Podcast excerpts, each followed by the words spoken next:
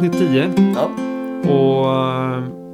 det är lite fira känsla i luften. Ja, jag känner, jag känner också det. det, det de först, när vi började med det här så var det som att vi vi provar och kör. Ja. Vi, prov, vi provar och så får det gå som det går. Och så får vi under tiden lära oss lite hur man gör en podcast. Vi får lära oss lite hur eh, hur vi själva pratar. Ja, hur beter vi oss egentligen? Mm. Och eh, framförallt så får vi sitta och snacka solceller och energi och sånt. Ja. Träffa folk, knyta kontakter. Mm. Och eh, att vi har någonting som knyter an vår utbildning under tiden som vi studerar. Precis. För att det, det blir så jäkla... Långt från verkligheten. När Mm. man sitter i Man känner sig böcker. som en... När man lever som en student så känner man sig som en student och så lever man i en värld utanför det man vill hålla på med. Ja, väldigt mycket så är det. Man, lever, man cirklar omkring en värld som man vill in i. Ja, Och eh, det här har varit som en, bara en eh, motorväg rakt in i den världen känner jag. podden menar du? Mm. Ja. Rakt in i arbetslivet nästan. Ja, utan, stämmer vi bra. drar inte in några pengar än. Nej, det Men, inte. eh, men det, är, det är fortfarande... Man, man får snacka med folk. Ja. Och man får, får eh, lära sig saker som kanske inte är direkt vetenskapligt studierelaterade. Men det är fortfarande så här... Man får lära sig om verkligheten. Mm. Mm. Vilket är en väldigt stor skillnad mot skolböckerna oftast. Ja. Tyvärr. Eller kanske både på gott och ont. Och det har öppnat upp ögonen för massa andra grejer också som man inte lär sig i skolan. Liksom. Ja, Som det- eh, till exempel politiken runt omkring. ja Det- plötsligt, plötsligt det är blir man någonting som man- miljöpartist till exempel. Ja, precis. Eh, men eh, ja, vi är inne på avsnitt 10. Och vi tänkte göra en liten, eh, inte tvärvändning, men en liten eh, 2.0 kan vi säga. Precis, en Solcell, 2.0. Solcellspodden 2.0 eh, härifrån. Jag är oerhört laddad känner jag inför Ja. det här avsnittet. Alltså nu är det så här. Nu kör vi liksom. Mm. Och det kommer att... Vi kommer att köra igång ganska tufft skulle man kunna säga. Ja. Vi kommer inte så sätt att vi kommer inte, vi kommer nog ha ungefär samma takt än så länge med att släppa. Ja, Det, vi har ju hela tiden sagt att vi släpper varannan vecka. Det gör vi inte. Vi släpper ju en gång i månaden ungefär. det är faktiskt så. Vi börjar i januari och nu är vi snart i oktober. Och Precis. eh, vi har gjort tio avsnitt. Våran utveckling av Solcellspodden från och med eh, detta avsnittet är ju att vi ska, det var egentligen detta vi tänkte från början. Vi tänkte vi skulle ha lite mer undervisande. Precis. Mm. Allting som vi lär oss i skolan och så här vill man ju liksom förvalta på något sätt. Inte bara i praktiken utan man vill även föra vidare informationen. Det, jag tycker det är väldigt roligt att sitta med folk som inte är så insatta och förklara saker. Mm. Förklara, ja men så här lite olika... Det pratade ju du om eh, när du var iväg på den här grejen. Vart var det nu du var? Eh, uppe i Smögen? Mm, ja just det. Mm. Smögen. Ja. Då pratade, sa du till mig där att, eller jag hade tyckt det var väldigt roligt sa du, att prata med folk som har varit intresserade men inte så insatta. Att man Mm. kunde så här förmedla någonting till dem och få dem att förstå någonting och eh, ja, Ja. öka ett intresse. Precis. Och det här öka intresset. Det är det vi vill göra. Solcell, vi heter ju Solcellspodden för att vi vill öka intresset för solceller. Mm. Sen att vi cirklar runt omkring solceller med massa annan miljöteknik och sånt. Det är ju av intresse. Och att det är väldigt relevant. Precis. Så man kan inte kolla på bara den tekniken som man vill hålla på med. Nej. Utan man måste se vad, som, vad alternativet är liksom. Mm. Eh, Och sen blir det väldigt monotont för stackars lyssnarna Precis. och bara snacka om solceller kanske. men hela tiden. att vi fortfarande har, heter Solcellspodden är ju för att vi vill... Det är det vi är mest intresserade av helt enkelt. Precis. Men eh, om vi ska gå in på det här med undervisningen då. Att vi vill på något sätt förmedla vidare den kunskapen som vi ändå besi- besitter efter, efter massa års eh, tragglande i skolan. Ehm, framförallt så kanske vi även vill fräscha upp våra egna min- eh, minnen. Precis, så För har det ju varit genomgå den här podden att Mm. eh, ett syfte, alltså förutom att förmedla till lyssnare saker och ting, så är det ju vi själva som vill lära oss saker och ting. Mm. Vi tänkte börja så här, att vi... Folk undrar ju ofta vad solceller är, hur de funkar och kanske vad det är för något liksom. Hur får vi ut, hur kan vi få ut el av någonting som inte rör sig? Det är väldigt abstrakt egentligen. Mm. Ett vindkraftverk kan ändå de flesta så här förstå. Att det ett, eh, att vinden tar tag i rotorbladen, driver runt eh, själva navet som sitter på en generator och så får man ut el. Det är liksom, Det är ungefär som vattenkraft som har funnits länge. Det är också något som snurrar och det känns Mm. naturligt att något som rör sig har lite energi i sig på något sätt. ja, jag tror att det är, det, det är en anledning till att det är mycket lättare att prata om vindkraft och vattenkraft. är för att folk fattar vad det är för något liksom. Och folk har väldigt starka åsikter om vattenkraft, eller vindkraft. Eh, vissa har även om vattenkraft, men de flesta om vindkraft då, för att det, många tycker det stör och så, men man kan ha väldigt starka åsikter om någonting som man kan greppa. Mm. Solcellerna är väldigt svåra att greppa för folk jag. Mm. Just för att det är så abstrakt. Det är abstrakt och samtidigt så enkelt så att Mm. man inte riktigt kan Ja, det är svårt att köpa Mm. nästan att det kan vara så enkelt som att du lägger en platta på taket och så har Mm. du plötsligt el. Det är ett fysiskt fenomen. Precis, det är den Kan man fo- säga. fotoelektriska effekten allting bygger på. Och det är rätt, nu, nu är jag lite- på håll så här, men det är Einstein som eh, definierade nästan det här med fotovoltaics. Ja, alltså, fotoelektriska effekten, Ja. det var han som var eh, som helt enkelt eh, ja, tog fram teorin kring Mm. det. Eller teori, det, det var ju så det funkade men han eh, la fram att så här är det. ja. Och man utnyttjar egentligen bara de här fysikens lagar liksom. Eh, nästan rakt av. Det är nästan inga mellansteg. Vi tänkte gå ner på den minsta nivån. Detta Ja, avsnitt. precis. alltså, och med minsta nivån menar jag inte den enkla nivån, utan den väldigt svåra, abstrakta nivån. Precis. Eh, för att vi måste börja där. Ja, och vi känner att eh, det är någonting som man kanske bör ha i Solcellspodden. Alltså Ja. man bör ha ett avsnitt som så här gräver lite i vad är det som händer. Och vår förhoppning är ju nu att vi ska kunna förklara det här på ett relativt enkelt sätt.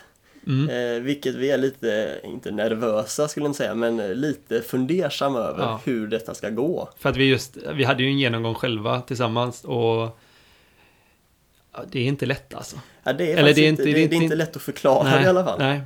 Är, Men precis. de som är intresserade kan ju lyssna även Ja, detta avsnitt. Så precis. är vi jätteglada. Och så kan man ju så här, förhoppningsvis så gör vi ett bra jobb här och Ja. lyckas förklara det här för, för gemene man så att säga. Mm. Eh, så att eh, ni får bedöma själva så att eh, häng kvar Ja. och se om ni faktiskt tröttnar eller inte.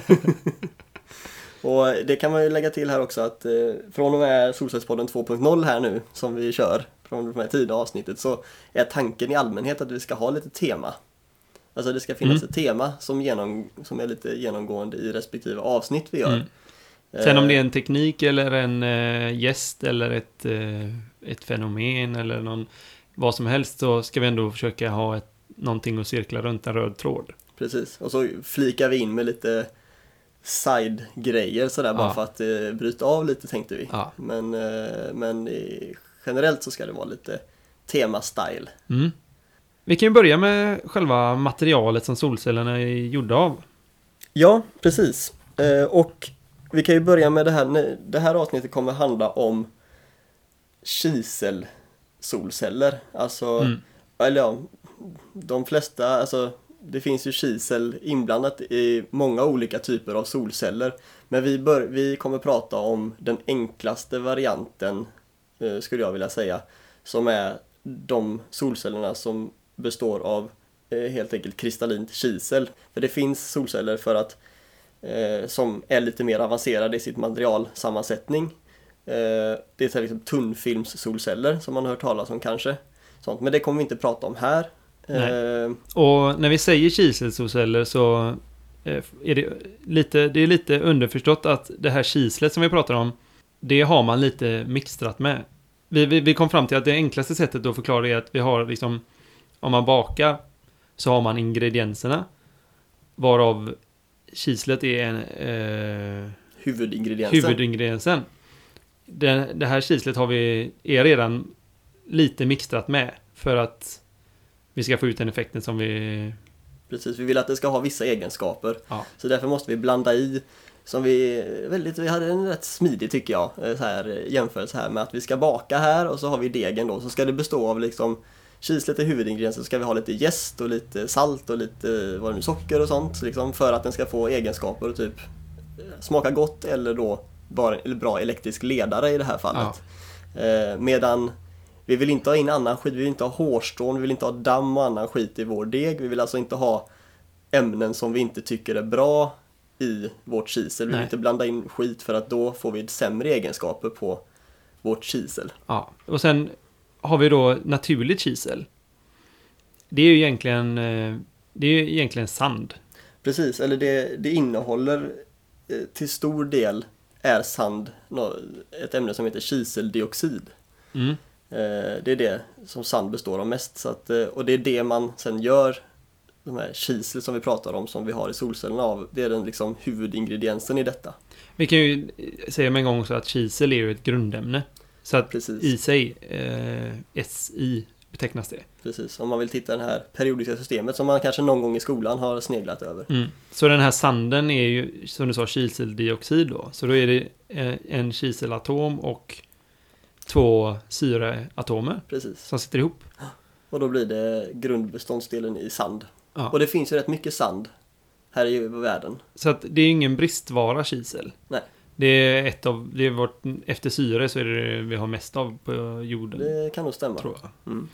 För att då få ut själva kiselatomen. För att få bort de här två syreatomerna.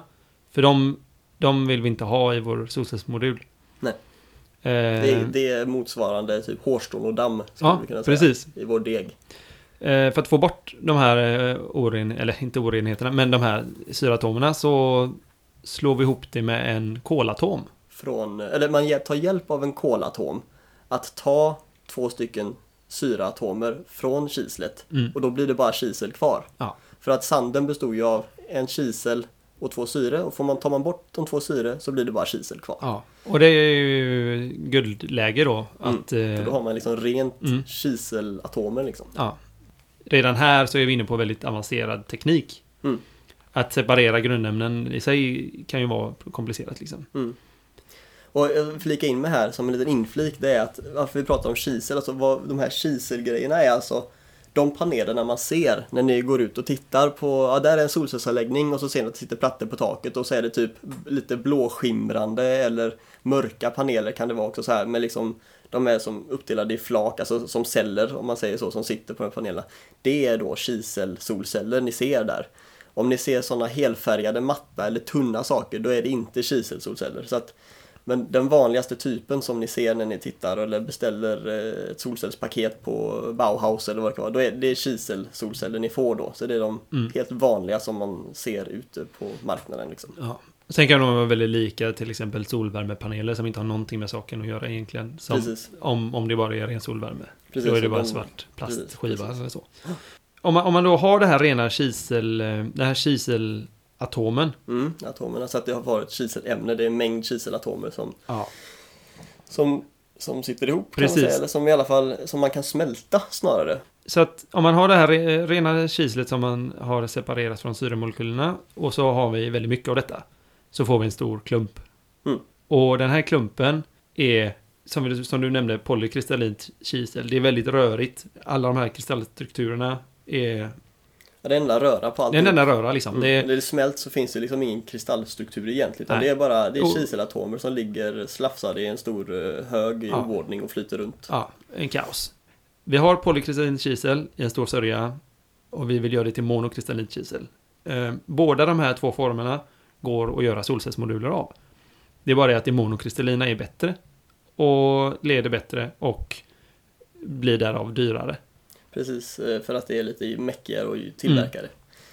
Men du hade en bra förklaring på hur man gör detta. Ja. Nu, nu kan du inte rita som du gjorde för mig, Nej, men du kan ju förklara lite. ja precis. Och då kan man ta, om man tar en kiselkristall, alltså en som redan hårdnat till sig, som har blivit till en kristallstruktur. För då, när man stelnar kisel så kan man göra så att det stelnar liksom i en kristallstruktur så det ligger snyggt ordnat liksom. Eh, Och så kan man doppa den i den här sörjan. Nu är detta, vi måste tillägga då att det här är inte någonting man gör med fingrarna. Det är Nej. inget, det är inget, det är liksom, det här är på så liten nivå så att Man, man med industriella teknik, eh, tekniska hjälpmedel så stoppar man ner en liten kiselkristall i den här sörjan. Och sen så drar man långsamt uppåt och så roterar man lite också. Om den här sörjan då är varm medan man drar upp med kiselkristallen Och det resultatet blir då att det som byggs på på den här första kristallen, alla resten av kiselmolekylerna, de tar efter den formen på den första kristallen. Så det blir en lång kiselstång som, som svalnar allt eftersom du drar upp den. Och det blir en och samma kristallstruktur genom hela eh, den här korven som du drar upp då. Och nu är det fysisk nivå helt plötsligt. Vi hade en klump och så nu har vi en, en eh, perfekt cylinder i stort sett. Precis. Och då har vi en perfekt cylinder som innehåller monokristallint kisel. Monokristallin betyder att det är en kristall som vi utgår ifrån, det var den vi doppade. Skulle man vilja göra polykristallint kisel, som eh, då är lite citationstecken sämre kisel ur solcellsmässigt och effektivitetsmässigt så tar man bara den här sörjan som man hade och så skiter man i och doppar någon kristall där utan man bara stelnar den rätt som den är. Den ligger och så här flyter runt i helt kaos. Och sen bara, ah, vi kyler den direkt. Och då blir det liksom kristaller åt alla möjliga håll och kanter. Och det är det man ser om man tittar på solcellsanläggningar och du tittar på kiselskivorna så kan det skimra lite och glimma och vara lite så här, liksom man ser att det är lite där ligger en struktur åt det hållet och sen så glimmar det åt andra hållet och så liksom glänser det lite. Sen så när det har smält eller du har dragit upp den här korven så att du har fått monokristallint då bara slicear du det i små, små, små tunna skivor. Och det är det som blir det, de här små cellerna som man ser som ligger i solcellspanelerna. Och de är ju oftast inte runda då, utan de är fyrkantiga av rent praktiska skäl. Precis. Ehm, och då får man ju massa restdelar. Om du har en, en eh, cirkulär platta och gör en fyrkantig av den så får du ju massa skräp över. Jag antar att man bara slänger ner detta i grytan igen. Ja, och återanvänder, Återanvänder det, ju som, som eh, polykristallin kanske. Eller, eller så, att man smälter ner det och gör något annat av det. Och en viktig grej man kan, dels kan man lägga till här att den här, de här kiselplattorna som man får när man har skivat upp den här korven eller den här stelnade eh, massan då. Eh, det är ju sånt man använder i, eh, så, i datorer och sånt. När man bygger de här komponenterna som sitter och är det som utgör datorns hjärna kan man säga. Processorer och sånt och, och transistorerna i sig använder det här, såna här typen av kisel som, som man bygger på samma sätt. Mm. Och kisel är ju en halvledare. Vi har ju ledare som är olika metaller. Och så har vi isolatorer eller så som eh, andra material som eh, ja, olika... eh, En trästubbe En trästubbe eller... Den är eh, ganska isolerande, den leder ja. inte så bra ström. Eller eh, oft, förr hade man ju ofta keramik. Ja precis, porslin, keramik och ja, sånt. och idag använder man plast i stort sett Mm. till, till all isolering. Mm. Så. Men en halvledare leder delvis ström Mm. och Lite när den vill kan man säga, eller Precis, när man, man- själv bestämt att den ska leda. ja, den leder vid olika tillstånd. Precis. Om det är varmt eller ka- eh, det är olika, beror på vilken, vilket eh, material man har här. Mm, mm. Och med leder menar vi alltså att det kan gå en ström genom materialet. Mm. En elektrisk ström. Och, och detta använder man ju i all elektronik. Eh, all elektronik bygger på halvledartekniken. Precis. Och det, vi kommer inte gå in jättemycket på just det. Nej. Men man kan säga att man kan dra en parallell väldigt snabbt där att att leda eller inte leda? det är frågan skulle man kunna säga. För att det är det det handlar om i de här datorerna. Man kan alltså göra så att kislet leder eller inte leder och leder det så kan man säga att då skickar man en etta från ett ställe till ett annat. Och leder det inte så, så betyder det att då är det en nolla som man skickar vidare i systemen. Så att egentligen så är det här med att leda eller icke leda.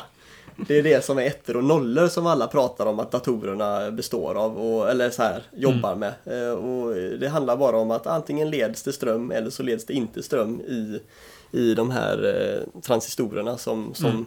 utgör hjärnan i datorn. ja. Och det är därför halvledare är så bra i det här sammanhanget. Mm. Ja, nu har vi kommit in på datorer också. Ja. Nu Det är, det är nu väldigt, vi, väldigt nu svårt. vi, nu får vi... Begränsa oss lite. Precis. Men eh, om vi återgår till solcellsprocessen här då. Så hade vi... Eh, nu har vi tillverkat våra wafers, som det kallas. De här Precis. cirkulära plattorna. Av rent monokristallint kisel. Mm. Men, är det rent? Det är ju den andra frågan då. Precis. Ja. Ehm, Och det är det inte. nej. För att vi har valt att göra det inte helt rent. För att vi vill ju ha, precis när vi ba- bakade degen, så ville vi ha vårt salt och vårt socker och sånt och grejer. Så kislet var ju vårt huvudingrediens liksom. Så vad ska man säga att det är? Vatten eller mjöl eller vad, så här, vad är det Mm. mycket av när man bakar Vetemjöl. bröd? Vetemjöl Ja. säger vi, det är liksom kislet.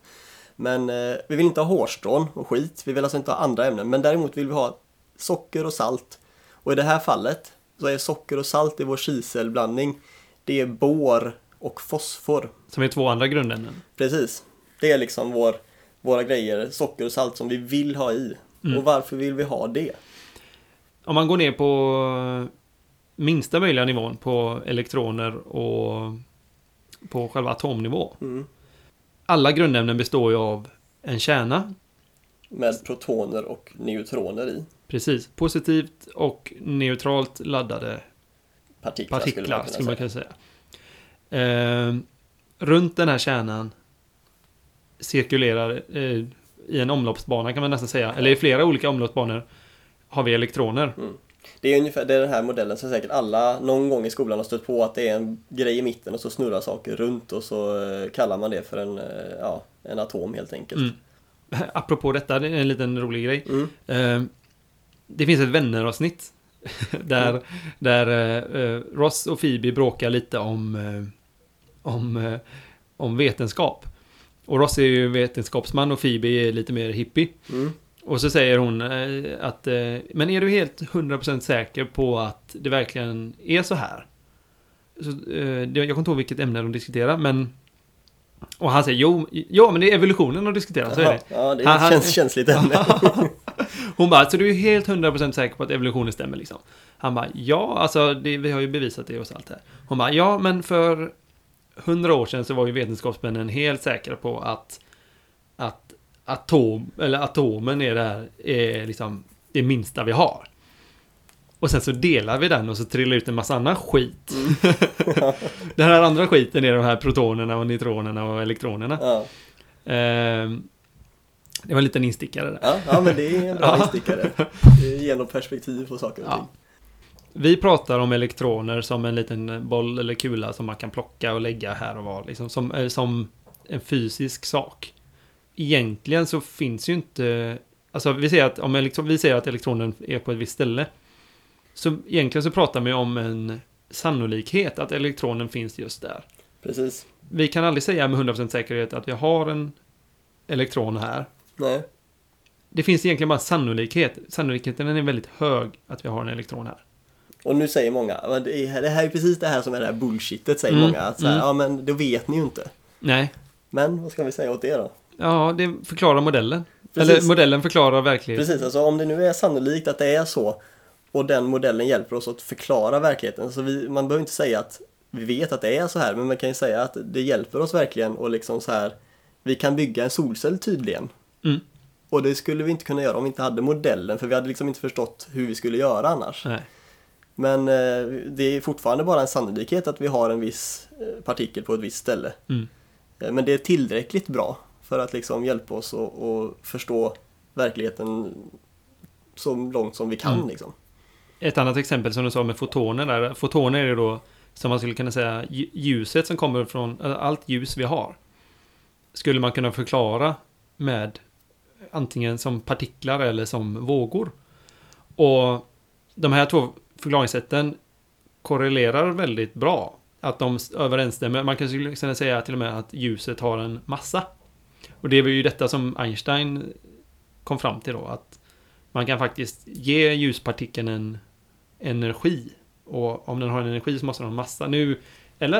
Ja, Ja. Jo, men så här är det. Men Ja. det, här, det blir väldigt abstrakt att Ja. fundera på säkert. Men, Precis, ja. för att det är det här som är berömda E lika med MC2. Precis. Eller MC kvadrat. Att energin är lika med massan gånger ljusets hastighet i kvadrat. Ja. Så att- Precis, och sen att massa, i och med den här formeln så förstår man att massa måste ha en energi för att eh, eftersom det finns ett massa på ena sidan på ett likhetstecken på en ekvation och det finns energi på andra sidan så har ju de uppenbarligen ett samband med varandra. Ja. Ja, Men, vad eh, var vi egentligen? Vi var inne på det här med egentligen vad kislet består av. Ja. Det är ett grundämne som består av protoner, neutroner och elektroner.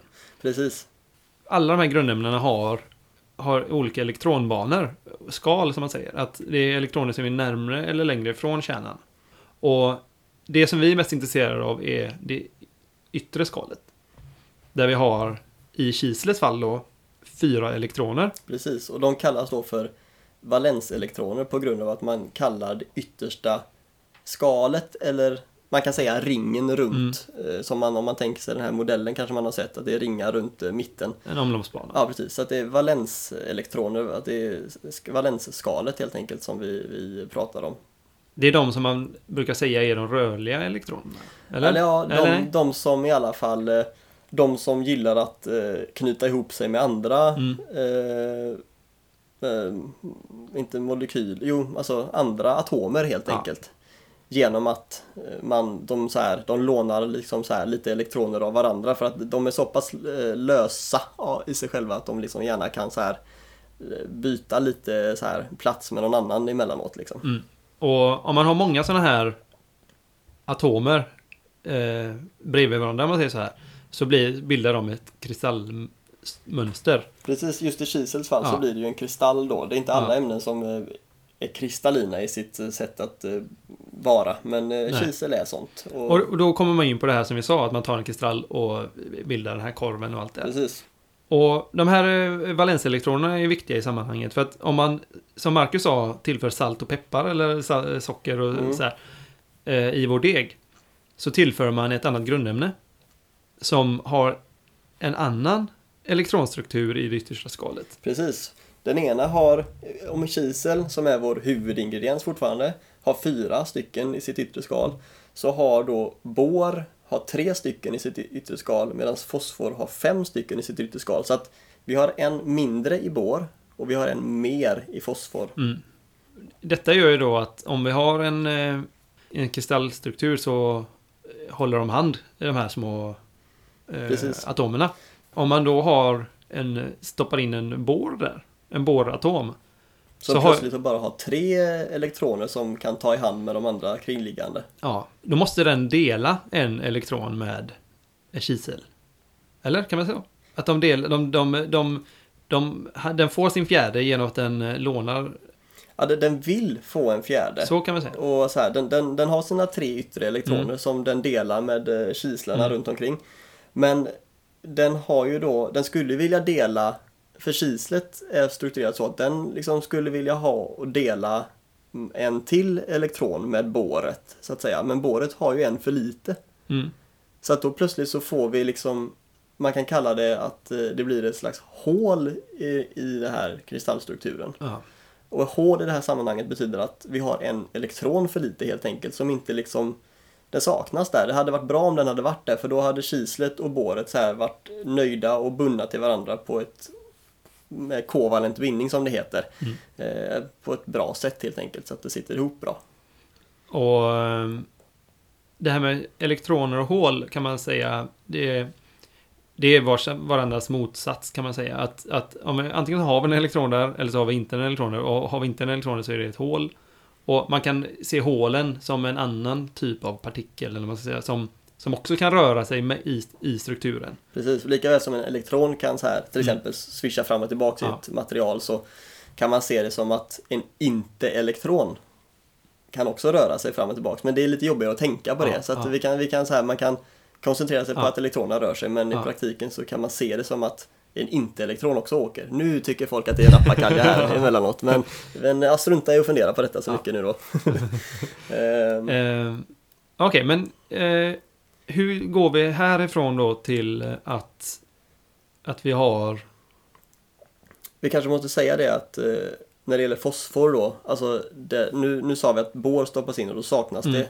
Men då stoppar du in fosfor så betyder, då har du plötsligt fem elektroner i- i det här yttre skalet som vill vara kompis och ta i hand med kislet runt omkring. Men eh, kislet har bara liksom typ, finns bara fyra handtag som sträcks ut mot den här eh, eh, atomen Och då finns det en elektron som bara hallå vad ska jag, vem ska jag ta i hand med liksom? Och då blir han så här, nej, så cirklar han lite runt, lite random sådär och då blir han så att säga lite löst bunden och det betyder att den här elektronen helt enkelt kan röra sig fritt i materialet. På ett, eh, då. Så ju fler sådana här eh, fosfor i det här fallet vi har, desto mer elektroner har vi som irrar runt och typ vet inte riktigt vart de ska ta vägen liksom. Mm, Medan om du har massa bår då i ämnet så, så har du så här bara shit vi behöver elektroner liksom. Vi har massa hål överallt som skulle vilja fyllas med elektroner men eh, var är de liksom? Mm. Ja, så då har vi en fosfordopad eh, som det heter då, dopad. Det är inte Ja. alltså ingen spruta man Nej. tar och typ så här för prestationshöjning, ja kan man säga men kanske är det för mycket anekdot. Ja. Eller så här för mycket Man säger, man kallar det att man dopar eh, materialet i alla fall. Precis. Man blandar in socker Mm. i, det är så här, i en deg. Man Mm. blandar in salt i en annan deg. Ja, det var... mm. Om man då för ihop de här två degarna, Precis. då, då får vi en eh, spänning mellan dem. Eller, Precis. ja, Man kan säga, det, det liksom, om man sätter ihop degarna så de blir kloss an till varandra, liksom knör ihop dem så här.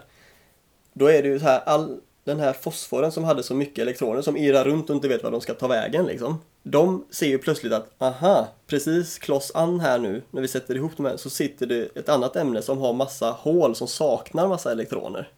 Och då tänker jag, ja men då sticker ju de över till det andra ämnet för att liksom täppa igen de här hålen för att det som det heter då det N-dopade ämnet det som är dopat med fosfor det betyder att det är negativt. negativt dopat alltså har ett överskott på negativa laddningar Elektroner. elektroner eh, drar sig över till det P-dopade materialet alltså med Positivt. bo- precis, som har massa hål Ja, som är, positiva laddningar om man nu ska se det så. Anti- Eller avsaknad av Ja. en negativ laddning. det enklaste sättet tycker jag nästan är elektroner och hål. För då Mm. har man en liten golfboll som ska ner i ett hål och då Ja, är det liksom det är en bra. täppt. Liksom. Precis, så kan vi se. Mm. Det skickas en jävla massa golfbollar, det vill säga elektroner, Ja. som snirklar runt och inte vet var de ska ta vägen. Och de bara, ah, ett hål. Ja, vi har massa hål på den här sidan, så de hålen ska vi täppa Precis, med de här golfbollarna. precis. Och vad händer då? Ja, vi, vi har ju en... eh, Vi får ett litet el, elfält mellan de här två. Precis, och anledningen till det är ju att från början hade vi ett ämne som vi hade separat, en deg som bara hade salt i sig och vi hade en annan deg som bara hade socker i sig. Vi satte ihop dem och plötsligt så började från det ena ämnet sticka över massa laddade partiklar till det andra ämnet. Det vill säga till exempel elektroner från ett ämne till det andra ämnet. Då blir ju det ämnet som får massa elektroner blir ju negativt laddat. Mm. Det är ju ganska logiskt Mm. på ett sätt. Och eftersom det sticker bort massa elektroner från det ena ämnet så blir det ju liksom, då blir ju den i obalans och blir positivt laddat. Mm.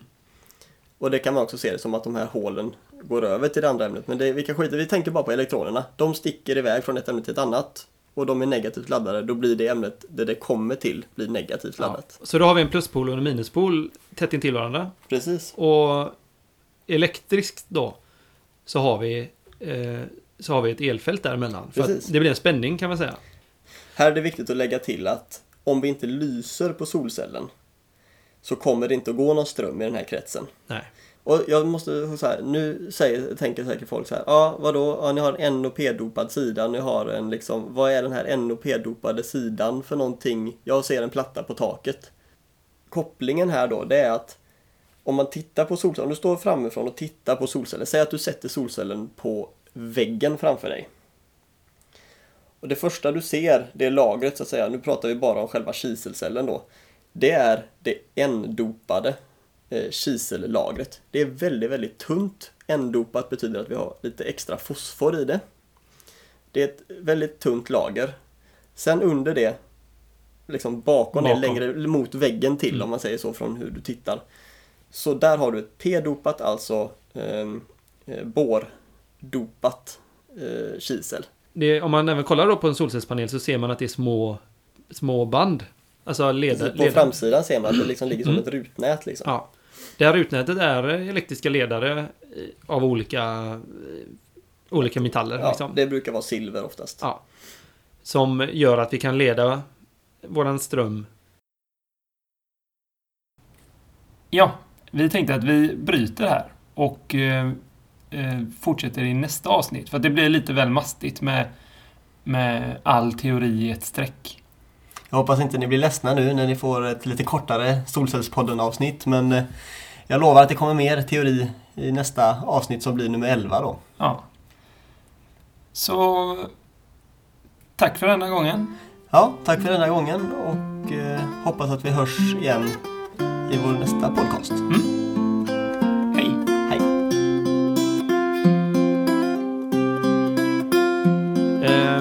Ta en paus där Ja. och äta lunch? ja.